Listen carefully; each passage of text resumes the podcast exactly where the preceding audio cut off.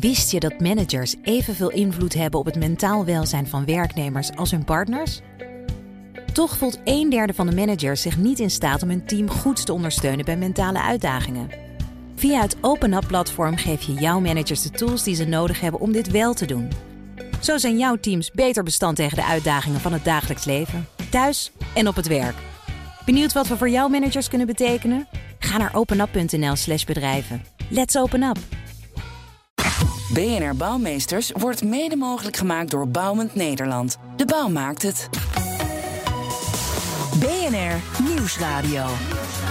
Bouwmeesters. Paul Lasseur. Welkom bij BNR Bouwmeesters voor de bedenkers, bouwers en dit keer Defensie. Want het leger zoekt bouwers om reservist te worden. Je ziet het nu al met de uitbraak van het nieuwe coronavirus. Landen roepen het leger te hulp om uh, daaraan een, uh, een, einde te maken. Om de verspreiding te stoppen. Maar denk ook aan toekomstige oorlogvoering. Die zal steeds meer in de steden plaatsvinden, denkt Defensie.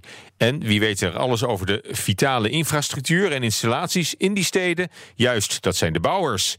Daar praten we over door met luitenant-kolonel Wietse van der Velde moet eigenlijk zeggen overste van der Velde, commandant van het 41ste Panzer Geniebataljon. En Ruud Moeskops, hij is projectleider Total Force Genie. Beide dus zogeheten genisten bij de Koninklijke Landmacht. Welkom heren op veilige afstand. Dat hebben de genisten van BNR Nieuwsradio dan weer geregeld, dat jullie toch tot ons komen. Um, hartelijk welkom. Dank je. Dank u wel. En zoals elke week eh, beginnen we de uitzending kort met het uh, grootste bouwsucces en de bouwflater van onze gasten. Uh, heel kort, uit, uh, gewoon uit de samenleving. Wietse, wat, wat, is voor jou nou echt een, een, een bouwflater? Nou, ik wou eigenlijk eerder beginnen met het grootste bouwsucces van mezelf. Oh, dat mag altijd. Je bent niet de eerste hoor, die het omdraait. nee, nee, nee, maar het grootste bouwsucces vind ik toch eigenlijk het bouwen van het kamp in Derenwoed. Mm. Uh, tijdens de periode in Oeruzgan, Afghanistan, dat we daar gezeten hebben. Om uh, midden in de woestijn een kamp voor een paar honderd mensen neer te zetten. Dat is, uh, dat is uiteindelijk het grootste succes geweest. Ja, wat, wat maakte dat zo succesvol? Dat het, dat het in korte tijd lukte? Of, of dat het zo'n degelijk nou, kamp heeft opgeleverd? Uit, uiteindelijk denk ik de, de distributie naar uiteindelijk zeg maar, het einde van de wereld. Want de, de, echt via landweggetjes uiteindelijk midden in de woestijn een, een kamp bouwen. En dan toch alles op een gegeven moment in tijd. Ik zeg niet op tijd, maar alles heeft zijn tijd nodig. Uh, want dat heeft echt wel wat tijd gekost. En meer dan dat we aan de voorkant gepland hadden. Maar uh, de omstandigheden waren daar ook naar.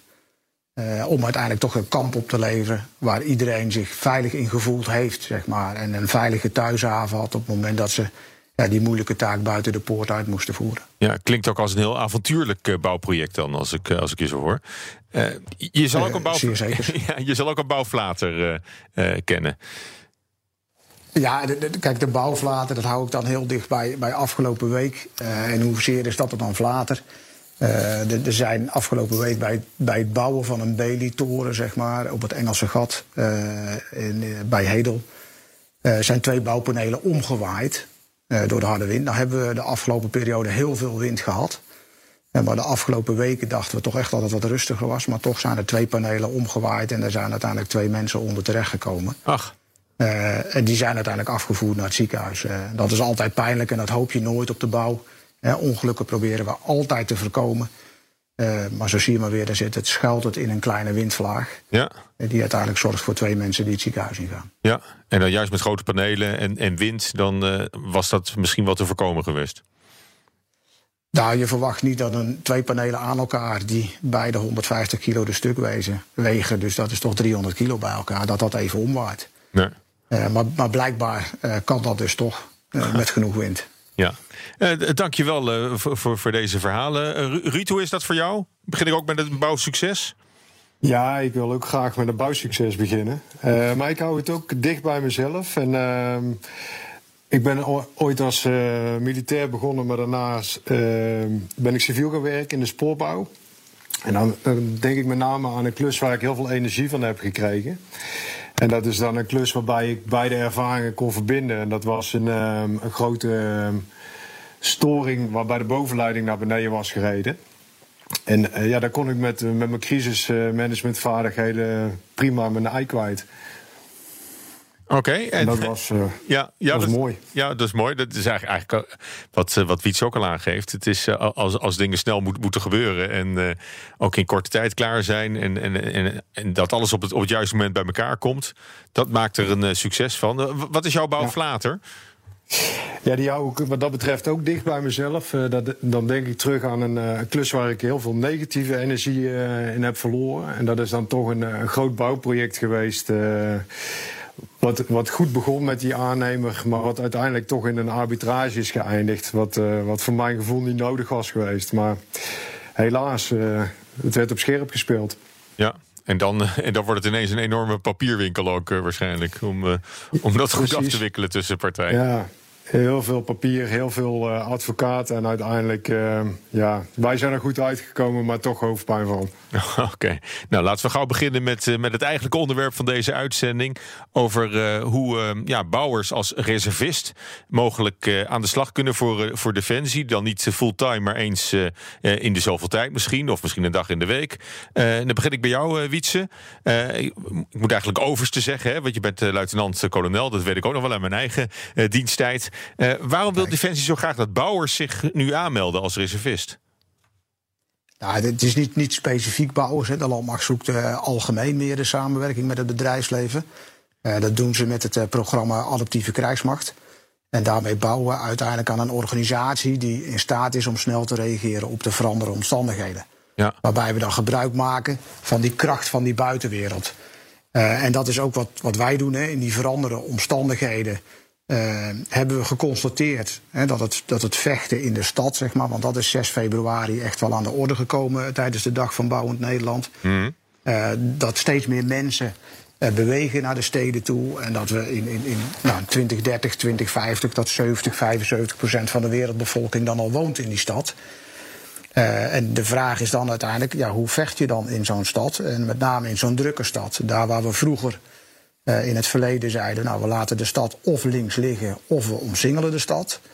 Eh, is dat omsingelen nu geen optie meer omdat die stad veel te groot geworden is. Ja. En links laten liggen kan ook niet omdat die populatie daar woont. Ja, en voor de kennis, en voor de kennis van die stad en van de fundering en van de, van de gebouwen, eh, daarvoor kan je heel goed eh, mensen gebruiken. Eh, eh, eh, eigenlijk kun je bouwmeesters heel goed eh, gebruiken. Ja, absoluut. Kijk, wij kijken natuurlijk, en aan de ene kant kijken we eh, naar, naar de toekomst, ook naar het hybride conflict. Waarbij we dan zeggen, ja, de, de, het zal altijd, hè, op het moment dat een gevecht uitbleekt en er een oorlog is, dan zal het aan de ene kant altijd eh, naar de donkergroene kant eh, zijn. eh, waar dan specifiek de militairen voor zijn en wij dat pak voor dragen. Maar Ja. dat is altijd een opbouwend conflict. Eh, en dat gaat dus samen met het wel eh, in, in stand houden van die stad zoveel als mogelijk. Eh, en om die stad dan in stand te houden, eh, hebben we binnen de genie gezegd, nou dan gaan we ons verdiepen in met name die kritieke infrastructuur van die stad.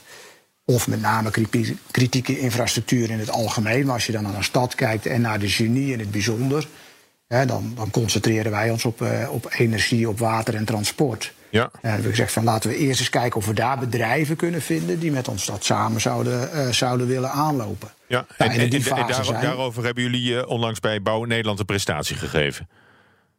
Ja, daar hebben we op 6 februari heeft Bouwen Nederland gevraagd of wij zo'n zo'n inspiratiesessie wilden leiden. Eh, daar hebben we met alle plezier op, eh, op geantwoord dat we dat graag wilden. Eh, en daar hebben we uiteindelijk hè, de beweging van het platteland naar de stad aangegeven. Waarbij we gezegd hebben, nou, die, die, die, toekomst die is dus geurbaniseerd. Eh, eigenlijk zijn we niet volledig voorbereid om dat gevecht te voeren in die stad. Eh, dat vergt ook een, een, adaptieve en flexibele krijgsmacht en landmacht in het bijzonder. En we weten dat die dreiging er is. Alleen op welke manier pak je die nou zo goed mogelijk aan? Nou, dat is, daar moeten we, eh, als het kan, samen over nadenken. Dus samen met het bedrijfsleven. Eh, en daar hebben een aantal bedrijven hebben echt gereageerd en die willen daar graag samen met ons over nadenken. En hebben jullie dan ook het materieel nodig van, eh, van die bedrijven of alleen de mensen? Ja, dat, dat, dat weet je nu natuurlijk nog niet. Maar het zou mooi zijn dat je in de toekomst en gebruik kunt maken van de kennis. Maar in voorkomend geval, op het moment dat we capaciteit nodig zouden hebben, ook gebruik zouden kunnen maken van het materieel. Ja. Want uh, Defensie heeft wel uh, uh, een bouwbataljon van 500 man, maar geen eigen bouwbedrijf. Wat, doen die 500 man in, van het bouwbataljon? Die, die, die, 500 man van, van 101 geniebataljon, waar ik overigens geen commandant van ben. Ik ben commandant van 41 panzergeniebataljon. die zijn met name gericht op, op uitzendingen en het bouwen van kampementen. En we noemen dat dan eigenlijk de, de, de. Uh, dus we kennen eigenlijk de. de uh, we, krijgen, we krijgen eigenlijk. De, de, gevechts, de, de gevechtseenheden hebben we eigenlijk. En we hebben voorsupport genie. En de mm. gevechtseenheden, zeg maar, die zorgen uiteindelijk voor het, voor het banen van de weg. wat wij dan noemen om de. om de om de mobiliteit van de eigen eenheden te bevorderen. Ja. Uh, en uiteindelijk een stukje contramobiliteit uh, voor de vijand uh, te genereren. Okay. En de voorsupport, dat zijn dan eigenlijk die bouwers. En die bouwen dan in feite de, de kampementen, zeg maar, nou, zoals wij in de uitzendgebieden kennen. Oké, nou hebben jullie in begin februari dus die presentatie gehouden, ook voor, voor Bouwen Nederland. Heeft dat al veel reacties opgeleverd, veel aanmeldingen? Veel recruten bijna? Nou, recruten niet. We werken gelukkig al dagelijks met een aantal reservisten die uh, via het uh, CMI, het Civiel Militaire Interactiecommando, zeg maar, uh, samen met ons werken. Ehm, die helpen ons al, al één dag in de week, zeg maar, om er hier samen over na te denken. als we kijken naar de LinkedIn-reacties, dan zien we al dat er een, een 250-tal reacties zijn geweest, waar een aantal bedrijven echt gezegd hebben dat ze samen mee willen denken. Nou, en dat is dan datgene wat, wat Ruud dan ook oppakt, zeg maar, om mhm. uiteindelijk de contacten met die bedrijven te zoeken. En vanuit de Total Force Unie, zeg maar, te kijken op welke manier uh, kunnen we daar dan invulling aan geven. En wat moet dan onze vervolgstap zijn om gezamenlijk eens een, een, een eerste actie weer te plannen. En te kijken hoe we nader eh, tot elkaar kunnen komen. Want uh, Ruud, jij, jij, was ooit uh, militair. Je, je, hebt eigenlijk beide kanten gezien, hè? Want daarna heb je bij BAM en KWS Infra gewerkt. En nu ben je weer terug bij Defensie als projectmanager Taskforce uh, Genie. ja, dat klopt. Twee jaar geleden stond je aan de basis van het constructiebataljon. is, is dat hetzelfde als dat, als dat bouwbataljon waar ik het net over had? Um, ja, als je zegt constructiebataljon, dat is ons bataljon wat inderdaad uh, het meest op het bouwbedrijf lijkt. Dat, uh, dat klopt. Mm -hmm. En, dat, uh, ja, en, wat, en wat doen die? En is, is dat een club die jullie nu hebben willen versterken door het aantrekken van, van reservisten die dat, die dat kunnen doen? Ja, we hebben, we hebben daar gewoon uh, naar gekeken. We hebben vier operationele eenheden eigenlijk. En toen zijn we gewoon gaan kijken van nou welke uh, lijkt het meest op, uh, op de civiele maatschappij en is daar een goed startpunt. En het bataljon van Wietse, dat is een van de gevechtsbataljons, dus die zat er bij die eerste ronde niet bij. Maar we zijn dus begonnen bij dat constructiebataljon, wat in wezen eigenlijk gewoon een, een bouwbedrijf is, wat, wat een missiegebied bouwt. Oké, maar, maar, maar die werken ook met die prefab eh, bruggen die je zo kan uitrollen en zo. Dat, uh, dat, dat mooie werk wat we wel uit, uit die defensiefilm. is ook een van hun, uh, hun taken, inderdaad. Dat, dat zit daar ook bij in. Ja, en onder de naam Total Force uh, Genie vallen nu alle projecten die met die flexibele schil van defensie te maken hebben, hè, waarin de reservisten ook een plek krijgen. Ja, exact. Uh, met, vanuit dat uh, projectbureau waar ik dan werk, proberen we dat handen en voeten te geven. En dat is echt gewoon een, het uitvinden van een nieuwe weg voor ons als Defensie. Maar als ik dat vergelijk met, met de, de maatschappij, dan is het vergelijk met de bouwwereld eigenlijk heel groot. Want dat is een, een beweging die daar al vele jaren eerder is ingezet. Waarbij je twintig jaar geleden aannemer nog alles zelf kon. En tegenwoordig dat gewoon met onderaannemers doet. En dat is, dat is een kant waar wij als, als genie ook aan, aan, denken om op die manier hmm. integraal met elkaar te kunnen optreden. Ja, en Wietse, nou, nou zitten we midden in de coronacrisis natuurlijk. Horen we van diverse landen al de oproep dat het leger moet worden ingezet bij het bestrijden van de virusuitbraak. Wat kan het leger dan, dan doen? Hè? Is, moet je dan denken aan die noodhospitalen zoals ze in China uit de grond stampen? Uh, goed, dat is misschien wel. Kijk, de, de defensie die neemt in deze hè, uh, verdergaande maatregelen om, om onze inzetbaarheid op het moment dat het zover is te garanderen. Uh, en om die nodig zeg maar, bestuurlijke en medische autoriteiten te kunnen ondersteunen. Dus we kunnen bestuurlijk ondersteunen. Uh, daar waar mogelijk zouden ook medisch kunnen ondersteunen. en we zorgen dat we in ieder geval zelf niet ziek worden, dat proberen we. Zodat als de vraag van het openbaar bestuur komt, dat we daar ook aan, kunnen voldoen. Ja. En, en, goed, en, en, doet Defensie op dit moment al een beroep op reservisten om uh, klaar te zijn voor maatregelen die straks misschien nodig zijn? Eh, dat is, dat is mij op dit moment niet bekend. Uh, dus kijk, we hebben altijd een kort lijntje met de reservisten. Uh, ik heb ook een kort lijntje met de reservisten die verbonden zijn aan, aan 41 Panzergeniebataljon. Uh, en, en die bellen ook zelfstandig al in hoor. Dus het is, ik, ik moet heel eerlijk zeggen, de, de, mensen die willen ook graag geïnformeerd worden uh, door, uh, door ons, zeg maar. Dus, dus de collega's die echt verbonden zijn met het bataljon. daar heb ik regelmatig gewoon via de, de app en telefoon contact mee. Of ze, of ze al iets kunnen betekenen en wanneer. Nou, dat wachten wij rustig af. Ehm, op het moment dat er een opdracht komt en ze zijn daarbij benodigd, dan, dan weet ik waar ze, waar ze zitten en hoe ik ze kan benaderen. BNR Nieuwsradio. Bouwmeesters. Paul Lasseur. Zometeen praten we door over hoe bouwreservisten het leger kunnen bijstaan in tijden van oorlog. Met luitenant-kolonel Wietse van der Velde en Ruud Moeskops, projectmanager van Total Force Genie. Maar eerst. BNR Bouwexpo is hier redacteur Judith Lane voor de Bouwexpo, maar wel vanuit huis. Dag Judith. Hey Paul. Ja, hoe zit je erbij? Is het, uh... Uh, nou ja, eh, live en direct uh, vanuit mijn woonkamer hier. Het gaat allemaal hartstikke goed. We hebben zo'n mooie app waarmee we kunnen inbellen. Dat doen de, de gasten dus ook. Oké, nou en daarmee gaan we nu het World Trade Center in Rotterdam bespreken. Want dat is de Bouwexpo Zeker. van vandaag. Ja. Uh, ja, want uh, dat wordt dus momenteel uh, verbouwd. En begin volgend jaar moet er dus een hotel openen met 168 kamers. En dat moet dan op de tweede, de derde en de vierde verdieping van de, de laagbouw gaan invullen. Hè, van, van dat gebouw. Want de mensen die het World Trade Center in Rotterdam kennen, het heeft een stukje laagbouw. Maar je hebt dus ook een grote ovale zeegroene toren die erbij staat. dus daar komt geen hotel in. Um, daar zitten al kantoren in. Uh, dat hotel moet dus begin 2021 opengaan. En uh, Postillon exploiteert het ook dan. Oké, okay, dus aan, aan het uh, Beursplein, als ik me niet vergis, hè, in, in Rotterdam. Ja. Maar het is ja, wel dus een het, niet het, het, het, het, zijn niet die eerdere beursgebouwen hè, die er in Rotterdam al waren. Nee, en het is ook niet het groot handelskantoor dat naast uh, het station staat. Uh, okay. Dat dacht ik namelijk eerst. Maar ja. het is uh, toch echt een ander gebouw. Ook heel mooi, maar een andere architect. van Maaskant, zeg ik uit mijn hoofd. Maar net een iets ander gebouw. Maar ehm, er waren in Rotterdam al een heleboel andere beursgebouwen in het verleden. Al in 1598 werd de eerste Rotterdamse beurs opgericht. Ik wist het niet, maar bij deze. Um, en ehm, uh, er moest toen daarna steeds opgeschaald worden. In 1635 was er een nieuw gebouw, omdat het dus te klein was geworden. En een eeuw later, in 1736, was het weer groter. Dat heeft ook steeds op andere plekken in Rotterdam gestaan. En uh, het gebouw waar we het dus nu over hebben, dat zit uh, uh, sinds de jaren 40 dus aan het Beursplein. En dat is door J.F. Staal, de architect, ontworpen en gebouwd tussen 1936 en 1940. Nou ja, dat was dus in de, de jaren naar de oorlog toe. Ja, misschien. Ja, niet de allerbeste timing inderdaad. het is ook bij het bombardement van Rotterdam in de Tweede Wereldoorlog door zeven bommen getroffen. Oh. maar goed, de schade kon wel hersteld worden.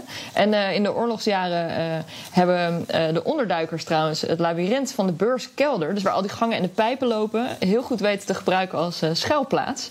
Um, nou ja, na de oorlog, uh, zo'n 20 jaar later, 1973, kwam er nog een verdieping bij. En dat is weer uitgevoerd door de zoon van de architect. Dus niet door J.F. Staal, maar Arthur Staal. En in de jaren 80 kwamen we dus over de, de hal van het oude beurscomplex, die ovale zeegroene toren erbij. Oké, okay, dus dat is pas een jonge aanvulling eigenlijk.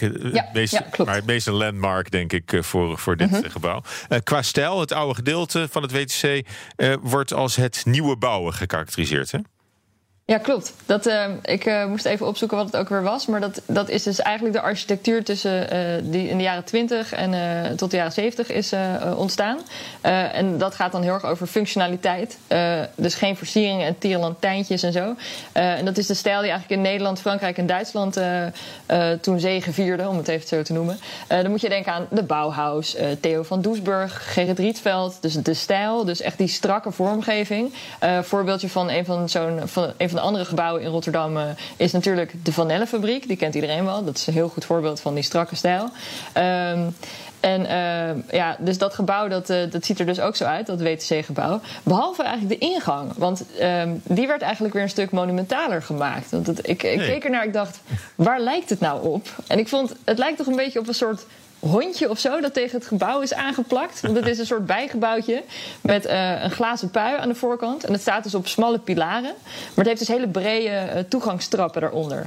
Uh, dus nou ja, dat is eigenlijk een beetje een contrast. Maar, maar wel cool. Dus um, ja, waar je dus eerst, waar eerst de, de, de, de beurs... Bekend werd, de koers werd bekendgemaakt en waar je kantoor kon houden, daar kan je dan, als het goed is, vanaf vorig jaar, of, vorig jaar, volgend jaar overnachten. Oké. En uh, ja, het is een beetje on-Rotterdams qua, qua monumentale uitstraling. In ieder geval bij de, bij de entree. Maar voor de rest is het wel de, de zakelijkheid die we van de havenstad uh, gewend zijn. Uh, dankjewel, uh, dankjewel weer, Judith. Tot de volgende keer. Bouwmeesters. Ja, we praten nu door over waarom het leger Bouwers wil hebben als reservist. Met Wietse van der Velde. Hij is uh, luitenant-kolonel, commandant van het 41ste Panzergeniebataljon. En Ruud Moeskops, hij is projectmanager Total Force Genie bij de Koninklijke Landmacht. Uh, ja, Wietse, als we nou even door voor die filosoferen over de toekomst. He, je, je, gaf het eigenlijk al aan, de, wereld, de wereld steeds meer. He, de urbanisatie, dat geldt waarschijnlijk ook voor de uh, oorlogvoering van, de toekomst. Als, als we nog eens die ellende hier gaan meemaken, zal het zich vooral op de steden uh, concentreren waarschijnlijk. En Defensie probeert daar al op in te spelen. En wel met een adaptieve defensie. Dat woord viel al even. Wat houdt het precies in? Nou, de, de adaptieve krijgsmacht, hè, daar bouw je in feite een organisatie waarbij je een bepaalde kern hebt en een andere schil uh, daaromheen hebt die adaptief kan zijn. Uh. En de kern die, die, die, die is dan wat kleiner, want je bent niet in staat om, om alle van alle markten thuis te zijn. En daardoor zeggen van ja, afhankelijk van uh, de vraag probeer je die adaptief in te vullen. Dus die, die, die schil om ons heen, mm -hmm. uh, die, die, die moet wat groeien. Ja, dus de, de, de, de kern, de kern, dat zijn die, die 40.000 ruim beroepsmilitairen. En een ja. schil daaromheen, dat, dat zijn deze reservisten die onder meer dan, want er zijn eigenlijk veel meer bedrijfstakken, maar onder meer in de bouw werkzaam zijn. Ja, voor ons is dan, hè, daar kijken we nu specifiek naar. Maar uh, goed, het, is niet alleen de bouw. Uh, je kunt ook naar het vervoer kijken en zeggen van, nou ja, goed, op het moment dat we vervoertekort hebben, welke vervoerders zoeken we dan op dat moment? En zo zijn er veel meer uh, takken waar we naar, waarnaar we zouden kunnen kijken. Alleen wij richten ons dan, in dit geval 6 februari, hebben we ons specifiek gericht op de bouw. En gezegd, van daaruit kunnen we ons dan verdiepen, zeg maar. En een inzicht geven van nou, welke problemen lopen we nou eigenlijk tegenaan op het moment dat die stad eh, groter en groter wordt. En op welke manier, zeg maar, eh, moeten we dat dan oplossen en waar moeten we dan zijn? Ja. Uh, in, in zo'n stad. Ja, Ruud, als je dan uh, Eindhoven als voorbeeld neemt, uh, is vrij willekeurig, maar stel dat het Eindhoven belegerd raakt, waar zou je dan bouwers goed voor kunnen gebruiken als, als krijgsmacht? Nou, zoals Wietse dat ook schetst, van uh, de stad en, uh, en, en, de wereld die is steeds complexer. En uh, dan, dan gaat het met name in de opbouw voor het conflict. Hè, dan, dan is er nog niet per definitie wat aan de hand. En dan zijn er nog mensen en dan zijn er nog civiele partijen. Dan wil je dat ook in die handen laten. En wil je ook met name over hun kennis kunnen beschikken. Dat op het moment dat het inderdaad onverhoopt zover komt dat je militair moet ingrijpen dat je dat met, uh, met het minimale impact doet. Hè. Dus zoals we dat uh, eens op een andere sessie hebben geschetst, hè, willen we eigenlijk de lichtknop van de stad weten te bedienen. Uh, zodat we er niet een, een lompe bom op hoeven te gooien, maar dat we hem gewoon even tijdelijk en plaatselijk uit kunnen zetten. En dat is natuurlijk kennis die wij als militair niet uh, direct hebben. En waar je dus dan toegang toe zoekt. En vervolgens ook toegang zoekt tot die partijen die, uh, die dat op, uh, op een andere manier kunnen bedienen dan dat wij dat normaal zijn. Ja, en nu zijn er ook al pilotprojecten waar jullie mee bezig zijn, hè, met bouwbedrijven die dan al meegaan op, op oefening. Ja, welke bouwbedrijven zijn dat en wat, wat, wat oefenen jullie dan? Want dat, dat lijkt me ook best lachen. Nou, dat, dat, is dus dan met name bij dat andere bataljon uh, zijn we daarmee begonnen. Want daar lopen we inderdaad uh, ongeveer twee jaar vooruit, uh, of een jaar vooruit op, op het uh, Panzers bataljon En daar zijn we twee jaar geleden begonnen met een, een tactical decision game, zoals dat heet. Dat kun je eigenlijk ook wel als marktverkenning betitelen. Waarbij we civiele partijen hadden uitgedaagd en uitgenodigd om met ons, met hun blik, naar een militaire operatie te kijken. Hoe dat zij met hun middelen en mogelijkheden en kennis daaraan bij zouden kunnen dragen. En dat beviel zo goed uh, die dag dat we uiteindelijk daar ook uh, vervolg aan hebben gegeven. Dat we zeggen van nou, kunnen we dat dan op een oefening niet gaan beproeven met elkaar. Waaronder verhoogde dreigingsomstandigheden, want dat is het onderscheid wat je hebt met de normale bouw, um, ook nog samen kan optreden. En dat initiatief dat zijn we samen begonnen met Snijder BV uit Horen. En dat is een bedrijf die qua werkzaamheden al heel erg dicht tegen onze manier van optreden zit. Ja. Oké, en, uh, en ze kunnen mee op ondernemersbivak, hè? Dat lijkt me ook een buitenkans voor mensen die wel eens willen kijken ja. of ze bouwreservisten willen worden. Ja, dat, dat hebben we vorig jaar uh, hebben dat initiatief genomen om uh, ook een kijkje in de keuken te geven, zoals we dat toen met die Tactical Decision Game hebben gedaan. Daar waar we met name toen uh, op besluitvorming van onze kant wat hebben kunnen bieden aan, aan de civiele partijen. Ja. Hebben we dat ook in een driedaags bivak aan die partijen gedaan die, die wat verder wilden gaan. En ja, ook... misschien, misschien het overwegen waard voor, voor bouwers die ook wel eens een bijdrage willen leveren aan het mooie werk van van Defensie. Ik wil jullie hartelijk danken voor dit gesprek, want onze tijd zit er alweer op. Luitenant-kolonel Wietse van der Velde hoorde u en Ruud Moeskops van de Genie van de Koninklijke Landmacht. Dank jullie wel.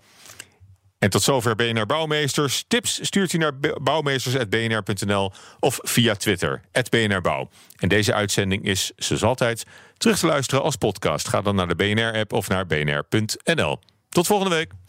BNR Bouwmeesters wordt mede mogelijk gemaakt door Bouwend Nederland. De bouw maakt het. Wist je dat 35% van het totale verzuim op het werk komt door uitdagingen rondom mentaal welzijn? Met de psychologen en lifestyle-experts van OpenUp werken jouw werknemers online via één op één sessies, groepsgesprekken of cursussen aan hun weerbaarheid. Zo zijn jouw teams beter bestand tegen de uitdagingen van het dagelijks leven, thuis en op het werk. Verhoog net als Decathlon, KPN en HelloFresh de weerbaarheid van je werknemers. Ga naar openup.nl/slash bedrijven. Let's open up!